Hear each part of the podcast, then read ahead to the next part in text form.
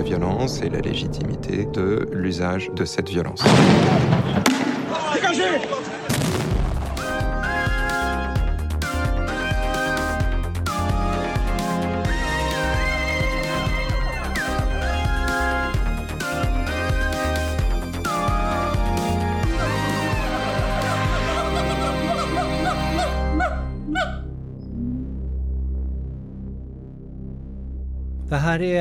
Första gången som jag provar att spela in ett poddsamtal liksom inför publik. Så att jag är glad inför denna jättepublik. Då. Vi har ju sett precis en film av David Dufresne som heter The Monopoly of Violence. Och den här filmen eh, handlar om gula västarna i Frankrike. En rörelse som eh, uppstod 2018 i protest mot höjningen av dieselpriset och bensinskatten. Mot Macrons förslag som var en del av hans klimatsatsningar, liksom att driva upp, låta, vad ska man säga, trafikanterna be betala för liksom, eh, eh klimatsatsningarna i Frankrike. Så sent som igår så var det stora demonstrationer i Frankrike som blev våldsamma med gula västarna. Så att det är en rörelse som har fortsatt och pandemin har inte lyckats stoppa dem. Så vi, vi tänkte prata lite utifrån den här filmen. Med mig har jag Greitz. Vill du beskriva dig själv lite, vad du sysslar med? Ja, nej men jag eh, är väl aktivist sen förr. Ja. Du och jag känner varandra sen förr, sen 90-talet. Ja, det är nog den person jag känner längst av alla jag jobbar politiskt liksom. ja. Sen små fältbiologer. Mm, ja, just det, precis.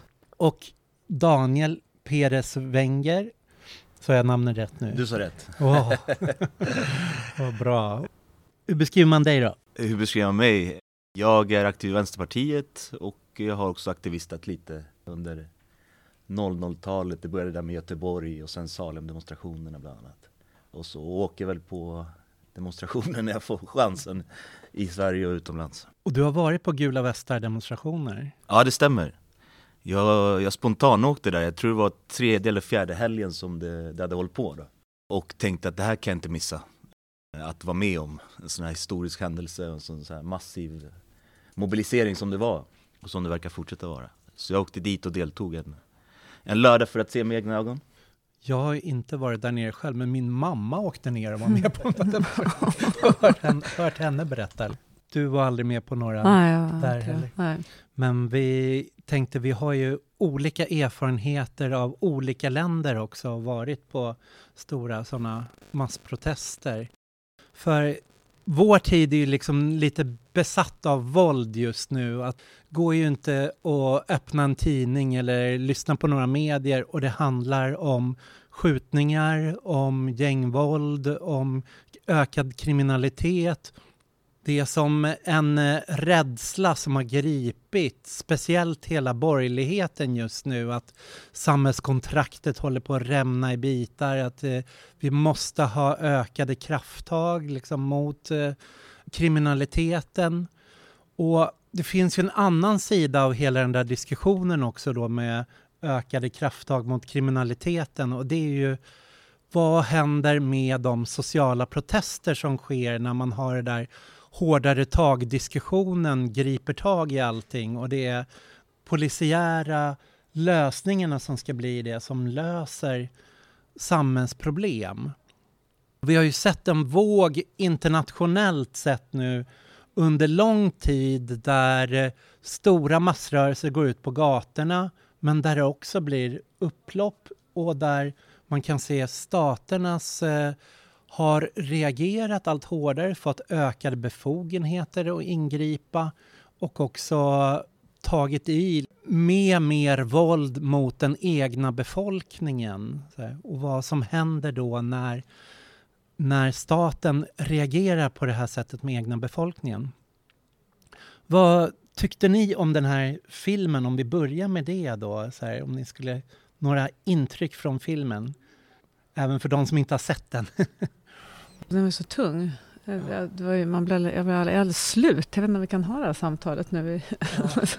det var, nej men den var också, jag tyckte den var, den var ju fantastiskt bra. Den var också stilistiskt eh, väldigt snygg. När man, liksom, man varvade mellan de här intensiva kravallscenerna och sen tomma gat, samma eh, gata fast tom och sådär. Och sen så att de, eh, det var ju eh, scener eh, som eh, var filmade av demonstranter och sen så är det de som har, är med i, i, i det filmade som får titta på det igen och kommentera. Det var, så, det var väldigt snyggt upplagt tycker jag. Väldigt bra gjort. Och sen typiskt franskt, liksom teoretiserande och sådär. Mm, men ja, den var, den var tung. Ja, nej, jag håller med. Den var, den var, den var tung att se. Jag, jag kommenterade här innan att jag... När jag såg filmen så tänkte jag att så här, shit, jag, jag, kom, jag kom billigt undan när jag själv var nere där. Liksom. Att, eh, jag, jag, visste faktiskt inte att det, var, att det kunde vara så, så våldsamt mot demonstranter. Liksom. Folk som blir av med ögonen eller får handen bortskjuten och så vidare. Det var en, lite av en ögonöppnare. Men, eh, men som du sa Maj, så var den fint gjord också. Så jag rekommenderar folk mm. att se den. Ja, verkligen. Men jag tyckte en av de också, det var många starka scener, men en av de starka scenerna de har, eh, och jag kommer ihåg det, jag tror att jag såg det på Youtube då, eller någonstans. Den scenen när de har de här unga killarna stående på knä med händerna bakom, eller på huvudet är det väl. Liksom. Det är en högstadieskola eller något sånt. Ja, som... är det? Nej, men det är typiskt liksom förortskillar som står. Och sen hur de blir hånade samtidigt. Och vad är de, de säger That's a well behaved class, säger de så. Men det är sån, alltså, den säger ju så mycket, den scenen. Mm, om liksom hela, också hur, man, hur liksom brutalt våld också är... Mm, ja, att det är kopplat till rasism och så också. Hur man kan behandlas. Det var, det var väldigt starkt tycker jag. Den här filmen är ju baserad väldigt mycket på hopsamlande från hela Frankrike av filmer som folk har filmat med sina mobiltelefoner så att man får följa som ett, ett collage av alla de här bilderna från som folk har filmat. Och det är ju faktiskt... Nu kunde vi se den här filmen men frågan är om det går att göra en fortsatt sån här film för att det man har försökt göra som nästa steg i att kriminalisera protester är ju att kunna döma folk till fängelse för en slags olovlig filmning och skildring av liksom polisens agerande på demonstrationer. Så den här formen av filmer är det man vill kriminalisera och få bort från gatan. Spanien hade ett sånt paket redan tidigare. De var ju till och med före med det, eller hur? Jag vet inte hur det har utvecklats där, men... Det har blivit mycket mer kameror på demonstrationer och även polisen har ju börjat med så här kroppskameror allihopa på demonstrationerna. Så att det har blivit, det är ju bara inte ett slag om gatorna när det gäller våldsnivån utan också vem som kan då sen gå ut och skildra det här. Att polisen vill kunna lagföra allting och därför ökar de antalet eh, kameror som är ute. Men samtidigt så vill man ju minimera antalet kameror som filmar vad de gör. Jag kommer faktiskt ihåg efter Göteborgskravallerna, en av de effekterna som blev av det var att vi började med medborgarvittnen och att eh, folk gick ut på de här eh, Reclaim the City-gatufesterna som pågick på den tiden. Att vi skickade ut fullt med personer med kameror vända mot polisen för att dokumentera. Att det var som att försök från oss att skydda oss mot polisvåldet med kamerorna. Men också polisens ilska över det där användandet, hur de lärde sig skydda sina nummer på hjälmarna. Det gör de ju fortfarande idag. De viker upp nackskyddet för, liksom, för att skydda hjälmen och hävdar liksom att numrerade hjälmar skulle göra att de lättare var utsatta för våld genom att kunna bli utpekade. Liksom. Hur det nu skulle gå till i liksom en kravallsituation. Det är ju någon som säger det i filmen Eller det, den, den polisen, han är väl från polisfacket va, tror jag, som mm. blir um, en av de som sitter och kommenterar eh, filmklippen som säger, hur tror du att det känns att bli filmad varje dag? Liksom i, i en sån, tyckte det var lite roligt. Det är lätt med en eh, sån här film och det är också, jag har tänkt under alla åren man har varit aktivist, att det finns en väldigt så här, nästan förkärlek kring att diskutera polisrepression och prata om de övergrepp vi utsätts för. För att någonstans eh, visa när polisen attackerar oss och visar det nästan att vi har rätt i vår sak och hur radikalt. Och sen så blir det då att man fastnar i en spiral, att man gör en demonstration, man gör en handling, man gör en massprotest och sen så kommer våldet från polisens sida, repressionen och sen så får man ägna liksom närmsta månaderna eller året åt antirepressivt arbete, åt stödarbete som de, för de som häktas, men också vända den politiska situationen. Och jag tänkte på det när jag, eh, när jag bodde i Italien så var det någonting man försökte väldigt mycket bryta sig ur det där, eh, den där spiralen, så här, aktion, repression, antirepression genom att tänka hur kan vi göra manifestationer där vi tänker på det här innan. Hur begränsar vi polisens arbete så mycket som möjligt? Att de har så lite utrymme som möjligt att utnyttja våld mot oss. Så man på olika sätt, det kan vara skapa ett politiskt tryck. Och det kanske kan vara ett bra sätt för oss att diskutera den här filmen också, att inte bara prata om eh, Alltså i Frankrike, det var ju redan första året tusen personer i fängelse för gula västarna-protester och vi, vi hörde här om de, eh, hur många människor som förlorade sina händer av liksom sådana här exploderande flashgranater och hur många som blev av med synen med liksom gummikulor som blev skjutna i ansiktet för. Det är svårt att komma vidare i en sån diskussion, men däremot det här hur gör man för att begränsa? Jag tänker, ni har ju varit med också på saker. Så här, har, har ni sett några smarta metoder eller tänkt liksom, hur, hur gör man för att se till att de inte kan slås? Nej, men alltså jag tänker också att det jag ty, ty, det finns någon scen där också i, i filmen där det är en um, tjej som råkade rätt illa ut, förstår jag som. Men um, hon säger, nej just det, de är inne på um, Max eller McDonalds eller någonting och blir slagen. Och då, det är ganska, tycker jag, som en grundläggande faktor så att man hon, det är no, de är en grupp, de står in och de tycker inte att de har varit liksom delaktiga i någonting som skulle kunna vara suspekt illegalt eller så. Och, sen så, och då så säger de för att lugna varandra, så säger de att vi har inte gjort någonting så vi kommer inte bli utsatta. Och sen är det liksom klipp till när de blir så brutalt misshandlade.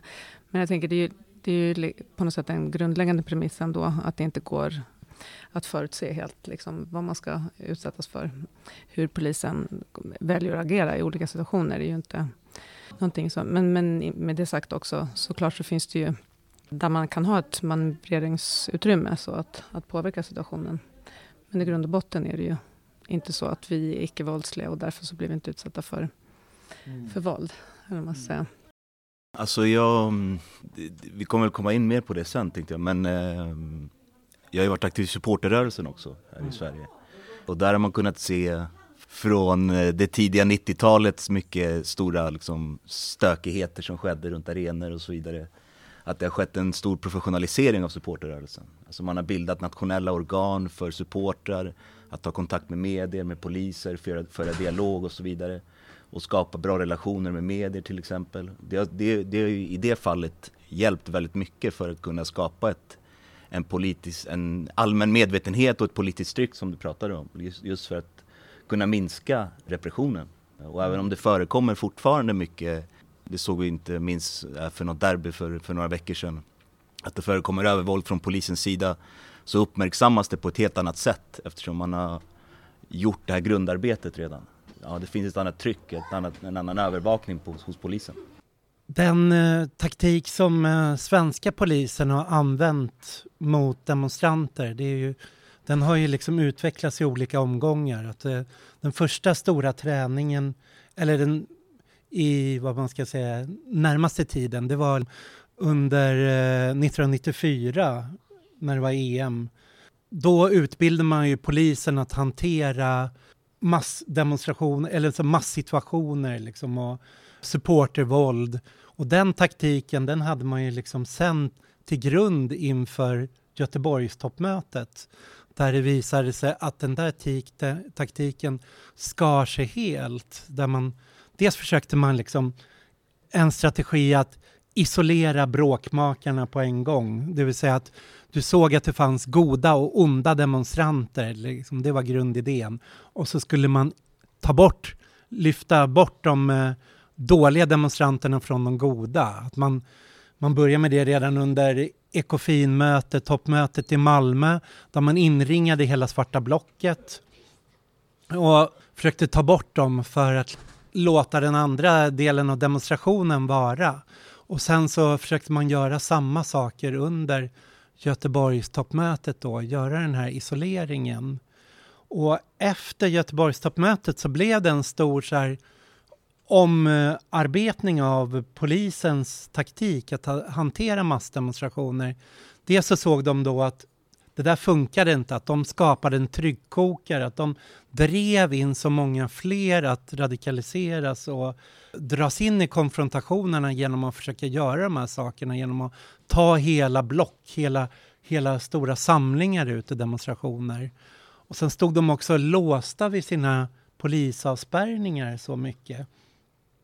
Man började med det här med mobila insatser. Man gjorde, istället för ett staket skulle man ha polisfordon eh, som kunde fungera som sköldar och spärra av eh, vägar. Och man skulle lätt kunna sätta in dem här. Man skulle använda mycket med civila poliser för att göra kirurgiska ingrepp och gå rakt in i demonstrationer och plocka ut folk. Eh, och man eh, försökte också involvera demonstrationerna mycket mer i, alltså demonstrationsarrangörerna i, och civilsamhällets organisationer i att övervaka demonstrationer och så vara self-policing, självpolisiärt arbete. Så det var den taktiken vi fick därur. Men nu så kan man ju se det som händer, det du pratade om Daniel, det som har skett på läktarna med den här uh, villkorstrappan, hur man har försökt komma åt hela supporterkulturen, eh, de här ultras, komma åt det pyrotekniska på liksom läktaren. Som, det är lite det man gör där spiller ju över på hur man sen agerar mot demonstrationer. Kan inte du ge lite mer? Vad har hela det här polisens ingrepp mot supporterkulturen handlat om i Sverige? Det har ju varit ett krig skulle jag säga, alltså mot supporterkulturen ganska länge nu och mot fotbollen eh, för att försöka komma åt de här eh, ordningsstörningarna som man kallar det liksom. För innan villkorstrappan inrättades så, så hade man något som kallades för polisnoterna till exempel där man tvingade de klubbar som bedrevs som aktiebolag att stå för polisnoterna. Så att de skulle betala sin egen bevakning liksom, trots att man la ner åtskilliga miljoner redan på, på publikvärdar och säkerhetsvakter och allt sånt där. Liksom.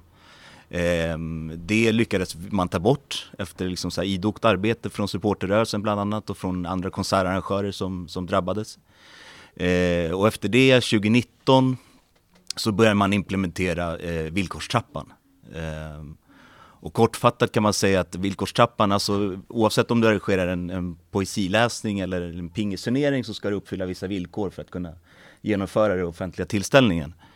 Eh, men, eh, men det man började med var en väldigt aggressiv villkorsgivning från polisens sida gentemot klubbarna. Eh, oavsett hur bra säkerhetsarbetet hade varit. Så att man började bestraffa klubbarna och publiken eh, kollektivt. Det kunde till exempel handla om flaggförbud, inte ha stora flaggor på arenorna, eh, eh, publikneddragning på läktarna. Alltså AIK till exempel en godkänd ståplatsläktare för 6500 personer. Men nu är det bara tillåtet med 2500 personer. Så att det är bara för att då de vill komma åt, menar de, de här ordningsstörningarna, alltså bengalerna liksom. Eh, det har varit in integritetskränkande visitation eh, och annat för att försöka få stopp på bengaler. Men de har inte lyckats, de lyckas ju inte liksom. Eh, det, det, det, fortsätter. Och det beror mycket på just den här professionalisering som jag pratade om tidigare av supporterrörelsen. Att man, man byggde upp ett eh, svensk fotbollssupporterunion till exempel där det var aldrig, hade aldrig tidigare skådats i princip att klubbar, klubbar supporter över laggränserna samarbetade för att nå de målen man hade tillsammans. Liksom.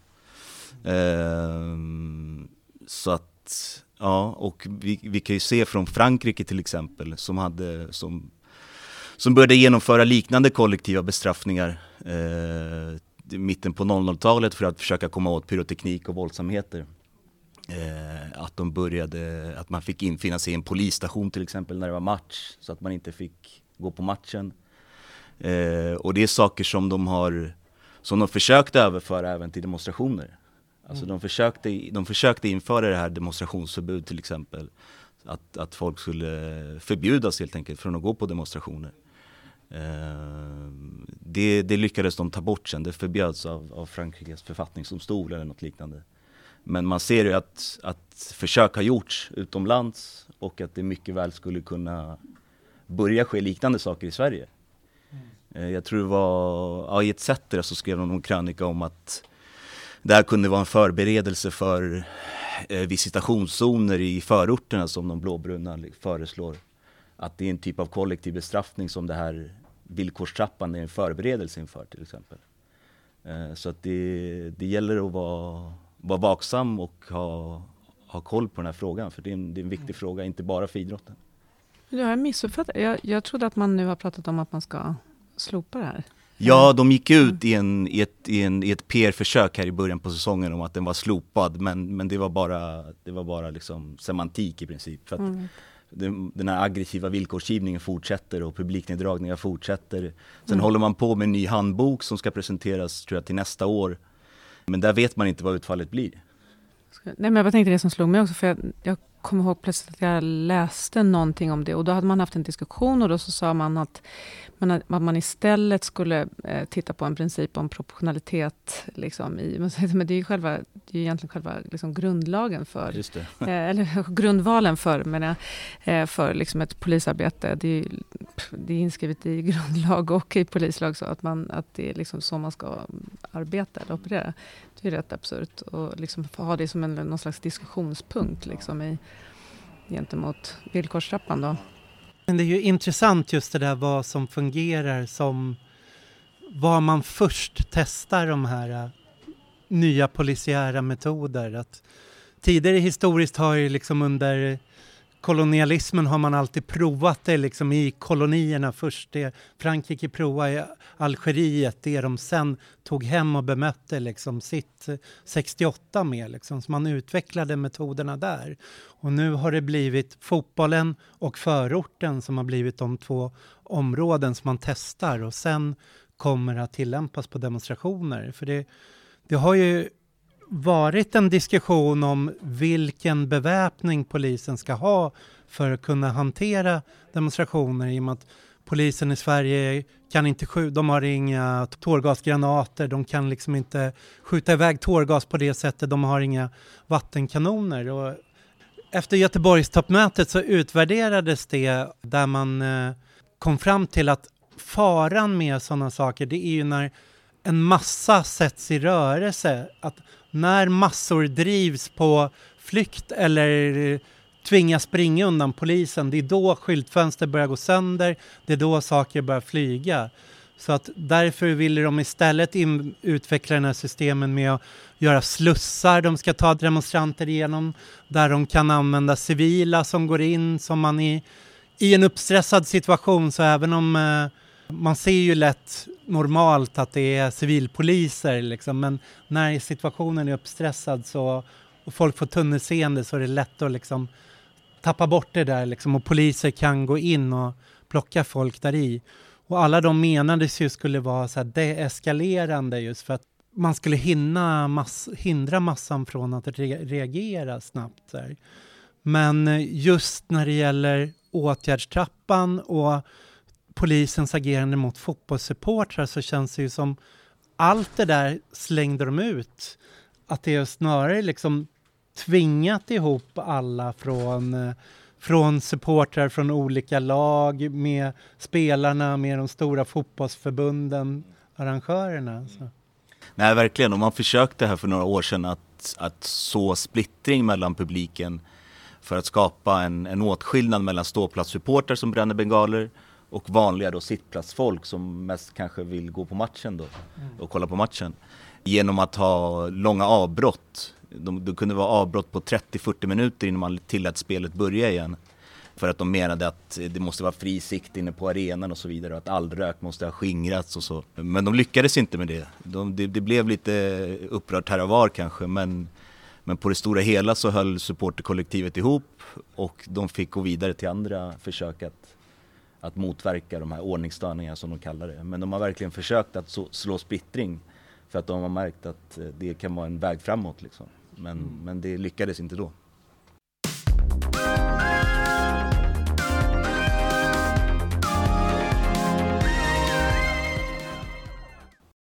Jag tänker Maj, du har ju varit aktiv mycket för Palestina, varit nere i Palestina, du har varit med i ISM och där har jag också sett mycket när det gäller liksom hur militär polis används mot folkmassor. Och hur jobbade ISM med de frågorna när det gällde sådana situationer i Palestina och komma dit som sköldar eller vad man ska säga? Ja, det är så man kallade det, mänsklig sköld. Men, men jag tänkte på en grej som du sa innan också, det här med teststation. För att ehm, det är ju det finns ju en, en det finns ju såklart en säkerhetsindustri i massa olika länder.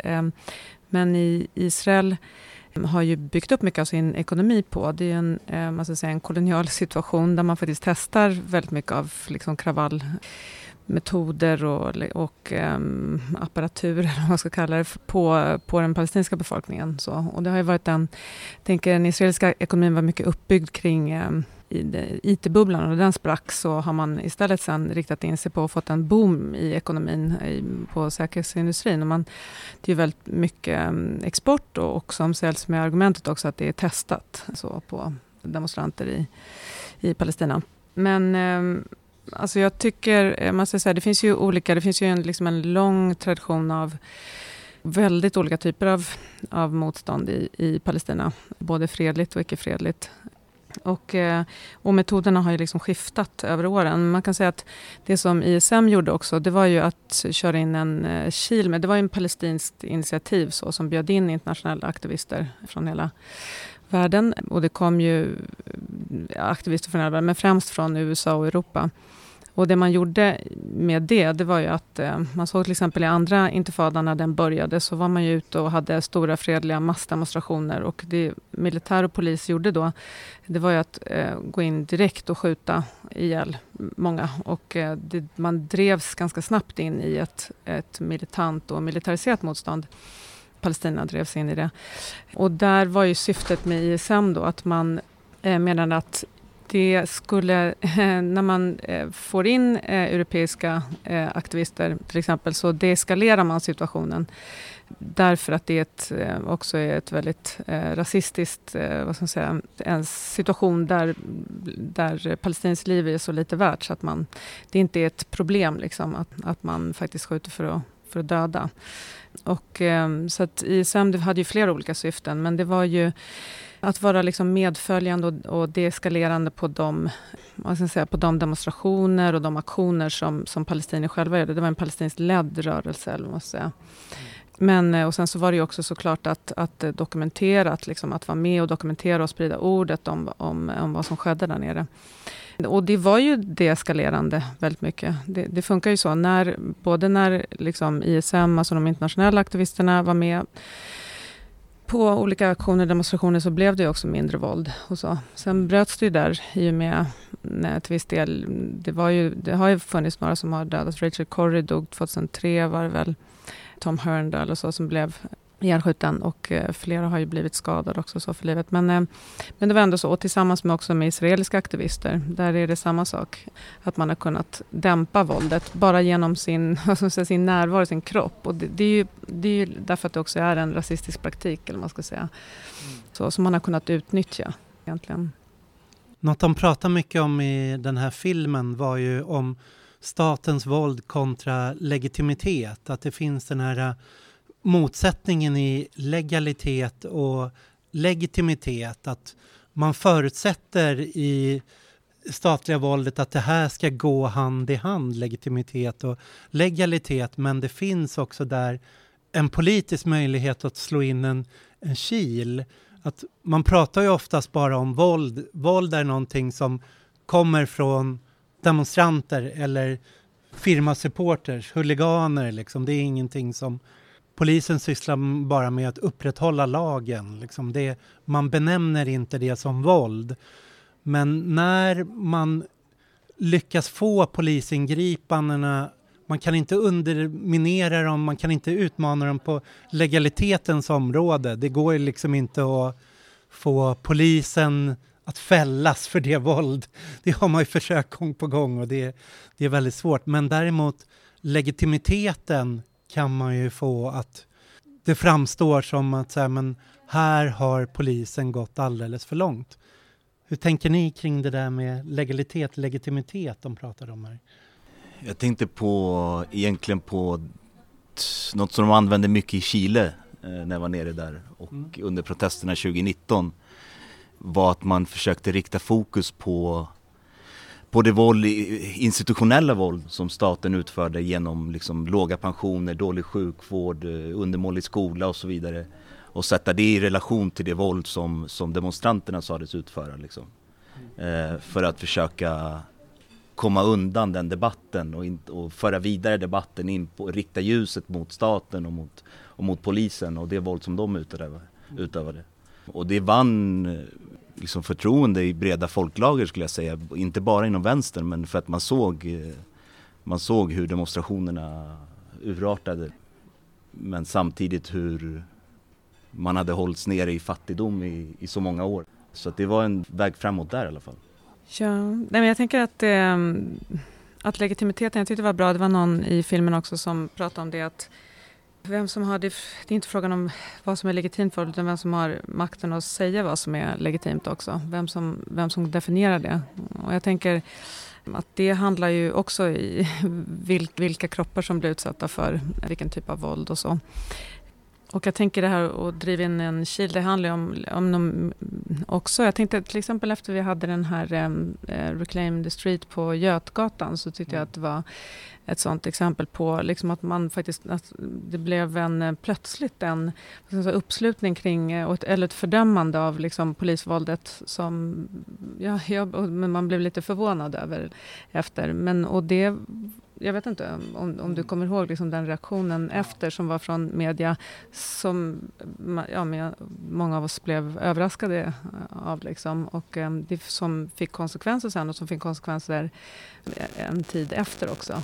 Ja, nej, men det var ju verkligen så att det var det var en gatufest i Götgatsbacken 1999 eh, där polisen omringade och tog 300 personer och för bara dansat där. Idag har det blivit gågata. Så ja, det var en vinst. ja, visst. Det var en vinst. Man insåg att ja. det, nu har vi blockpartys istället för olika företag där istället. Men eh, då ordnades det ju väldigt snabbt ett stormöte på Kulturhuset dit det dök upp en del politiker och journalister som ville höra. Och så gick vi väldigt snabbt in och samlade vittnesmål, började göra en timeline.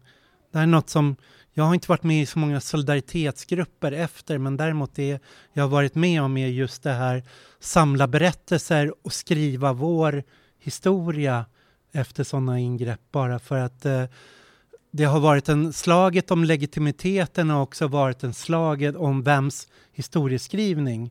Precis som de sa i filmen då att vem är det som definierar vad som hände? Att polisen är ju väldigt snabba på att gå ut med en version av så här, de kom, de ställde till våld och vi var tvungna att ingripa. Och då gäller det liksom att samla ögon, ögonvittnesbilder, det gäller att samla filmer, foton, göra som en timeline där man kan beskriva var när polisen satte in hästar för några år sedan och red över demonstranter i Limhamn, Limhamn ja. som mm. demonstrerade mot ett nazistiskt parti som demonstrerade. Så jobbade vi väldigt mycket med det där med timelinen. Samma sak när det var den här nazistattacken 8 mars ett år i, i Malmö. Så att det är just det där liksom att kunna dokumentera och nå ut med den egna berättelsen. Intressanta var hur polisen valde att kontra det där. Vi, vi beställde ut polisens handlingar. För det visade sig att polisens Twitterkonton och DM och eh, alltså direct message och allt sånt är offentliga handlingar. Så vi beställde ut det efter Husbykravallerna. Och då var det en, eh, en snut, han var kock, han var deckarförfattare och han var också pressansvarig för Stockholmspolisen. Jag tror han hette Varg Norlander eller något sånt. Typiskt snutnamn. Som, han, eh, skrev en handledning hur polisen skulle tänka kring eh, Husbykravallerna. Och då beskrev han det så att tänk dig en bild, den bilden har massor med pixlar, det är en pixlad bild.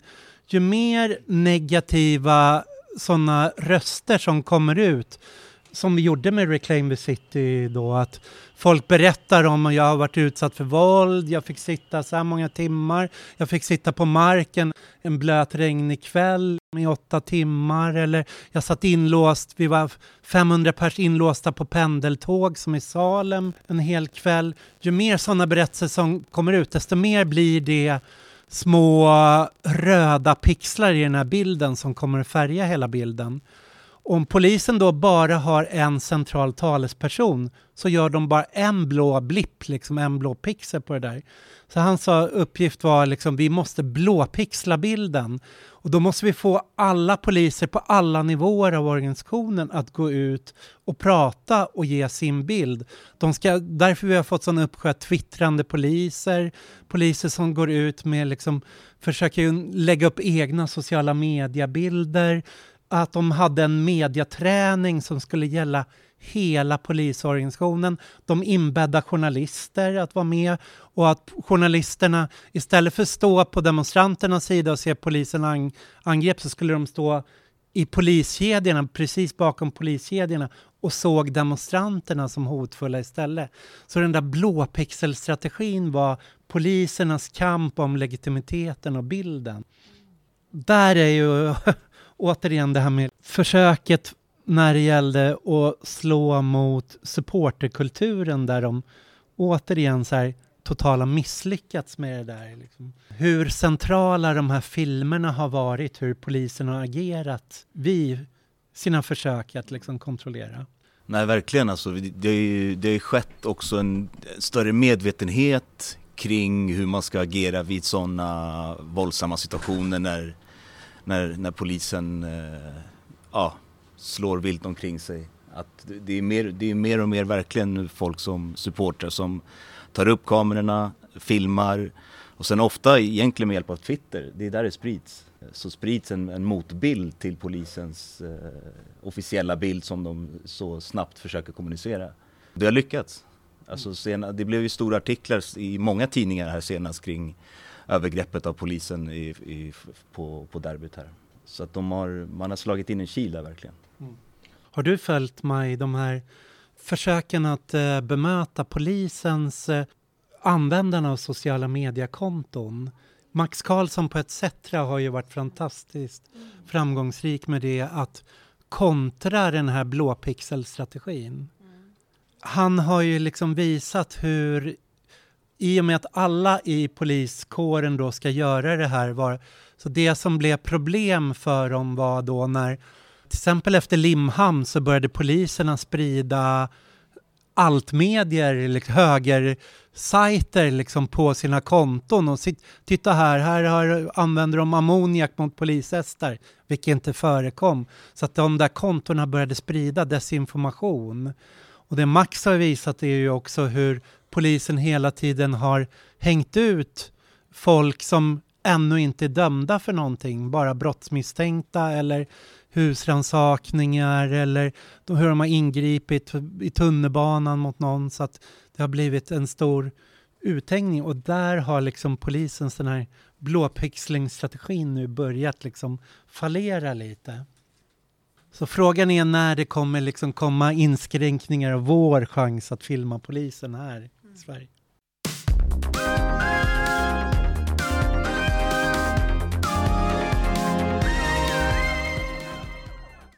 Jag tänkte på en annan sak. Det är hur nära fotbollskulturen, supporterkulturen är demonstrationskulturen. Så att I alla massprotester som har varit nu de senaste 20-30 åren, dels har fotbollssupportrar spelat en väldigt central roll.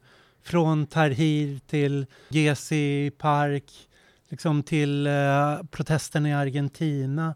Men eh, vi har ju haft väldigt få upplopp de senaste åren när det gäller demonstrationer. Och ändå har polisen krävt att liksom få mer resurser. Men då har de ju, de gånger som det har inträffat nu de senaste åren är när de har ingripit på grund av att det börjat användas pyroteknik och bengaler i demonstrationer. Ja, just det. Ja, jag kommer ihåg det från, från Pride 2019 där Queers Against Fascism tände något, lite pyroteknik och polisen ingrep direkt. Och de slutade med att de genomförde en, en det här blocket och genomförde en sittande protest och fördröjde hela Pride-tåget med uppemot en halvtimme för att protestera mot det här äh, ingripandet av, mot pyrotekniken så att säga. Men, äh, men det är intressant att se att, att de fullföljer deras liksom, taktik från fotbollsmatcher även in på demonstrationer. Så det här är ju ett första steg när vi börjar se den här läktaringripandena spiller över på, på demonstrationerna. Är det fler områden där vi som demonstranter borde lära oss av läktarkulturen i de här frågorna? Ja. Eller tvärtom? Vad borde läktarkulturen lära från den? Jag, jag tror det var, det var någon från, det var någon vänsterjournalist som skrev att Apropå en, eh, en, en sån budskapsbanderoll som, som AIK-klacken hade uppe Där det stod eh, Är det krig ni vill ha så är det helt okej okay. eh, Vi backar inte för någon Riktat mot polisen liksom Och då skrev han den här vänsterjournalisten att så här, vore, vore vänstern och vänsterdemonstranter lika kompromisslösa som, som supporterna i det här fallet så hade de inte haft något problem att, att få sin vilja igenom. Så, men det är klart det finns lärdomar att dra av varandra. Vad tror du framåt? Så här, vad, nu kanske vi får ett eh, brunblått block efter nästa val. Och det kommer nog höjas tonläget på hur det ska ageras mot både sociala protester och hur de ska agera i förorten. Ja, det är ett, ja, verkligen. Men jag tänker också att jag menar, det bästa det blir också lite mm, nostalgi att prata så här eftersom det har varit liksom ganska lite som har hänt de senaste åren. Och så. Men framåt är det ju flera saker som kommer att aktualiseras. Jag tänker också när klimatrörelsen kommer börja trappa upp, liksom när insatserna höjs och så. Men definitivt eh, liksom andra. och eh, jag menar, det finns ju andra... Hela den här liksom lag och ordning-agendan så är ju, med, är ju oroväckande för hela, vad ska man säga, något slags rättsstatsligt äh, eh, tänkande och så. Och, äh, Nej, men jag tänker också, det som, det, är ju en egen diskussion, så, vad som har hänt med, liksom efter vad åtgärderna har varit mot corona. Men det är klart att det finns oroande liksom, tendenser där också, att inskränka demonstrationsfrihet och så i och med åtgärder mot covid som har varit. Men eh, jag tror att det finns väldigt mycket som, som är oroväckande. Det är bara att jämföra med Berlin i Tyskland där de hade så oerhört mycket hårdare pandemirestriktioner med var du fick vistas ute, var du fick handla. Men demonstrationerna lät man hållas. Att det tullade man inte på. Mm. Det, det sågs som så centralt. Just det, och lite tvärtom med vissa andra länder. Att man har öppen kommers men inte tillåter demonstrationer. Liksom. Det... Men jag tänkte, är det någon av er som lyssnar som vill säga något och har några reflektioner både från filmen och samtalet så det finns en mikrofon här. Jag, jag tänker på en sak eh, vad det gäller den här filmen. Jag känner på något sätt att det lite svårt att översätta det till svenska förhållanden på något sätt. För det första diskuterar de på ett helt mycket mer intellektuellt sätt än vad, än vad jag tror att vi skulle kunna göra i en, en film här. Men de hänvisar till konstitutionen, de hänvisar till franska revolutionen och det, det är så djupt liksom förankrat i folksjälen där på något sätt så det blir inte ifrågasatt. Jag tror att här skulle en, en diskussion om våld överhuvudtaget bli mycket mer, alltså den skulle föras på ett mycket enklare plan på något sätt. För eller emot. På något sätt så svårt att diskutera våld i, i någon form i Sverige. Det är så, på något sätt så är det så snäva definitioner av det. Jag menar, ni pratar om Palestina till exempel och det, nu är ju största delen i alla fall av motståndet där kallas ju icke-våldsligt. Men det inbegriper ju inte stenkastning till exempel. För, för det är svårt att se stenkastning tank som våld på något sätt. Men här omfattas liksom stora delar av vänstern av det tänkesättet att, att ämnet krossat skyltfönster är våld. Och då är det, då är det på något sätt, det blir ju jättesvårt att föra någon diskussion om det här. Tycker jag, i Sverige. Och då, då kommer jag in på en annan sak som, som ni pratade om och, och det är det här vad, vad kommer att hända framöver? Och då tänker jag så här att en jätteviktig grej eller en viktig uppgift som vi inom, inom vänstern eller alternativrörelsen har det är att, som ni var inne på, skriva vår egen berättelse.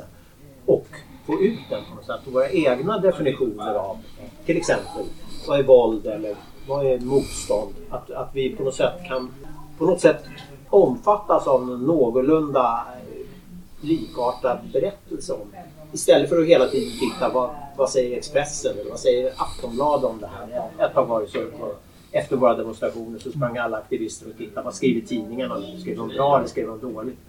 Och de går ju på något sätt, alltså man säger mainstream media går ju inte riktigt att lita på att de ska spegla våran version av verkligheten på något sätt. Så då är det, tror jag det är jätteviktigt att vi bygger upp fler och fler alternativa kanaler för att kunna få ut vårt budskap åtminstone genom oss själva och, och, och sen utifrån det försöka nå längre ut med, med de berättelserna.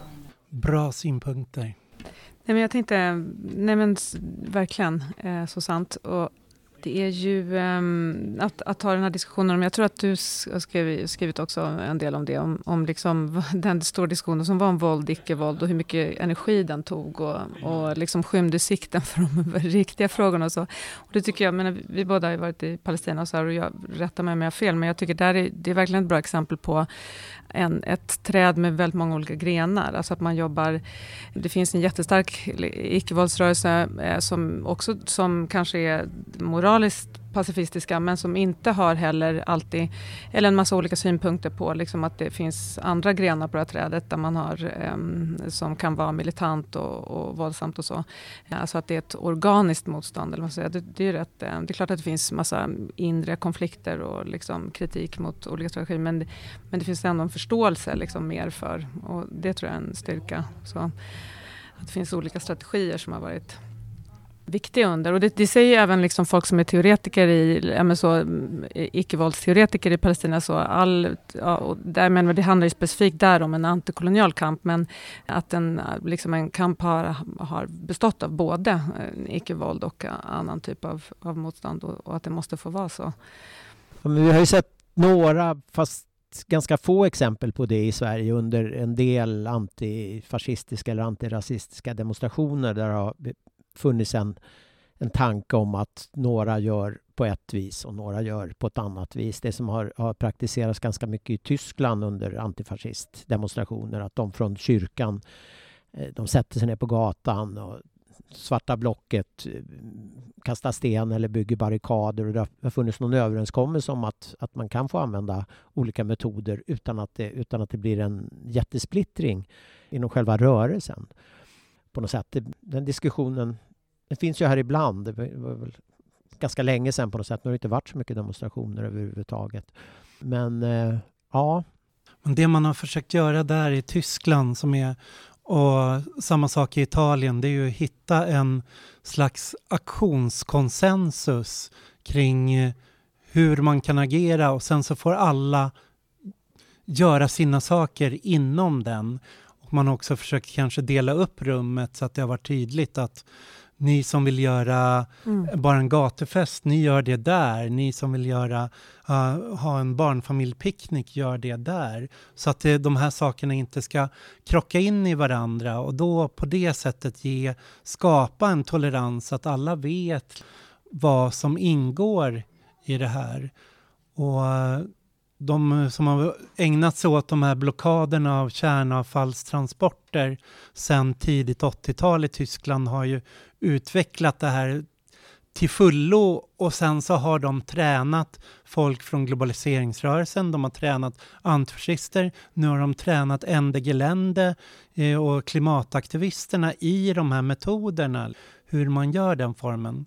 Och där är ju väldigt centralt då också att skapa en form av konfliktnivå som man bygger så stor konsensus runt som möjligt. Så att så många organisationer från civilsamhället ska kunna vara in och stödja det här och gärna att man får med sig politiker eller kända personer eller några sådana och gå där. Och det, allt det här har ju handlat om att begränsa polisens möjlighet att slå till och säga att ja, men vi har den här aktionskonsensusen. Det är det här som gäller. Om ni går in med våld så är det ni som har höjt våldsnivån, ni som har trappat upp, ni som har angripit. Och då kan man också komma till den punkten när man säger vi har nått en gräns där vi inte kan eh, garantera vår aktionskonsensus längre. Nu har ni kvaddat så mycket så att eh, nu kan inte vi göra någonting mer. Och då är det upplopp som följer på polisens konto så att säga.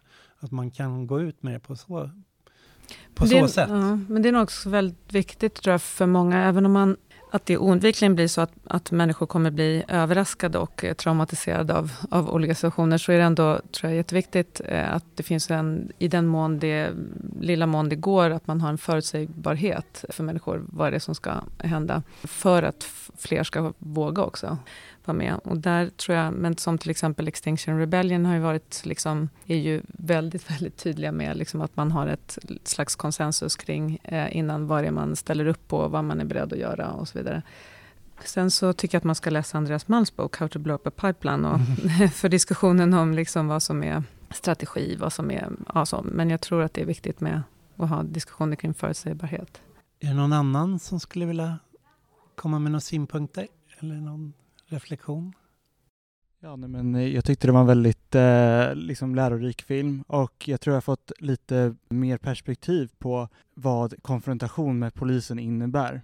Jag har själv liksom aldrig varit i någon sån situation och jag har ofta fått bilden av just det kaoset som upplevs. Men efter den här filmen så har jag fått en lite nyanserad bild om att det liksom handlar inte om någon slags kraftmätning utan att arenan som det sker på och på vilket sätt Eh, konfrontationer konfrontationen sker på är liksom mer kontrollerat och bygger på viss, vissa liksom underliggande spelregler som eh, liksom varit lite osynliga för mig tidigare. Till exempel det här om att, om, att eh, om demonstranterna skulle vilja liksom skada på riktigt så hade de kunnat göra det. Och att, eh, liksom att det handlar inte om någon slags, någon slags eh, kokande ilska, utan det handlar om att, liksom, att återta ett, ett, ett rum från, som man blir nekad till, en, att man återtar en rättighet som man blir nekad till. Så det tyckte jag var väldigt lärorikt. Också tycker jag det var väldigt eh, kul att höra om just supporterkulturen. Det är en, en sida som jag inte alls liksom sett åt överhuvudtaget. Och jag har inte varit medveten om den tydliga kopplingen mellan just eh, rätten att demonstrera och rätten till att få vara del av en supporterklubb. Eh, så det tyckte jag var väldigt lärorikt. Finns det någon, eh, om ni har någon lästips när det gäller kommer till eh, teorier om våld och även pacifism så skulle jag jättegärna ta emot. Jag kommer lägga upp en del länkar sen när jag lägger upp det här som poddsamtal. Någon av er som har någon reflektion? Nej, men jag tyckte också att det var väldigt spännande med den, det fanns en kvinna i filmen, det fanns fler kvinnor i filmen, men hon som var eh, socialarbetare kanske. Och eh, just begreppet våld, alltså hur hon också vänder på det och det tycker jag att vi är ganska dåliga på i, i svensk kontext. Att, eh, att titta uppåt, vad det strukturella våldet, stats, statsvåldet och, och det som nej men hela tiden roten till motstånd. Att vi någonstans kan bli mycket bättre på det. Jag är själv inte i några sociala mediekanaler, det är där så många plattformar finns. Men eh, det tycker jag var spännande. Om ni vill kommentera någonting kring det och vad ni gör i era, vad ska man säga, aktivistroller, så vore det spännande. Jag tror att i tidningen Brand så är det nog det enda Lenin-citat som har prytt en omslag på, var på 70-talet när man tog det här citatet. Så, här, så länge statens våld kallas rättvisa kommer proletariatets rättvisa att kallas våld.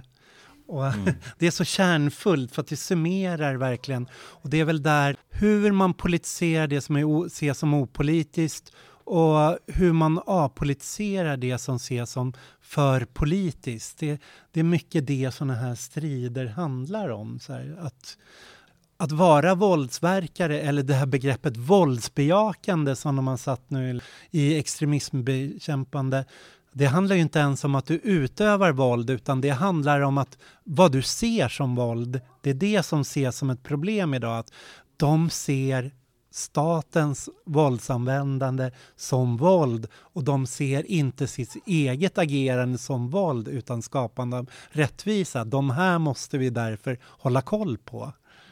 Det är det som är, de har som beteckning för extremism idag.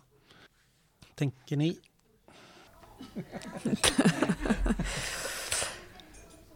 Nej men det är ju, vad ska man säga, det är en evig liksom, diskussion så, och hur man ska se och vems våld och, och, vilket våld och så. Jag tänker att man behöver också en person, jag så tänkte på när jag åkte hit också, om jag tar ett exempel från Palestina igen. Nej, men jag tänkte på nu, ni såg säkert den här fängelseutbrytningen som var i Gilboa eh, prison, eh, som var fyra var de väl, eller sex var de, just det, som bröts ut. Men en av dem var i alla fall Zakaria Zubeide som var som har blivit en liksom, hjälte. Sådär. Och han är, tycker jag, ett bra exempel på liksom, hur man rör sig mellan liksom, olika hela tiden. Han, har, liksom, han började med liksom, ett kulturellt motstånd och sådär, teater och så. Och sen så har han liksom, glidit in i Al-Aqsa Martinas brigader fatta, och tagit där. Och sen tillbaka igen, liksom, icke-våldsligt eh, motstånd och så. Och sen så var han med och gjorde den här utbrytningen. Men jag tänker så att vägra också låta sig liksom, eh, definieras eh, i, eh, tycker jag han är ett, ett fantastiskt exempel på. Ja, och vara ett, ett träd med många grenar, så att säga. Nej men som jag tog upp tidigare med, med exemplet Chile, där var det ju väldigt lyckosamt kring hur man eh, faktiskt i debatten lyckades få fram att det våld, det lilla våld som förekom på demonstrationer som i grunden handlar om att skydda andra personers rätt att kunna demonstrera utan att bli upplösta av polisen. Att de riktade fokus mot det, det statliga våldet, det institutionella våldet, alltså skola, sjukvård som jag var inne på. Och det blev lyckosamt, de lyckades vända och få, få in en, liksom en, en kil i debatten. Så det finns flera exempel att studera. Vi måste avsluta nu och få tacka er som kom hit och lyssnade och ni får tipsa om den här filmen då, The Monopoly of Violence. Tack.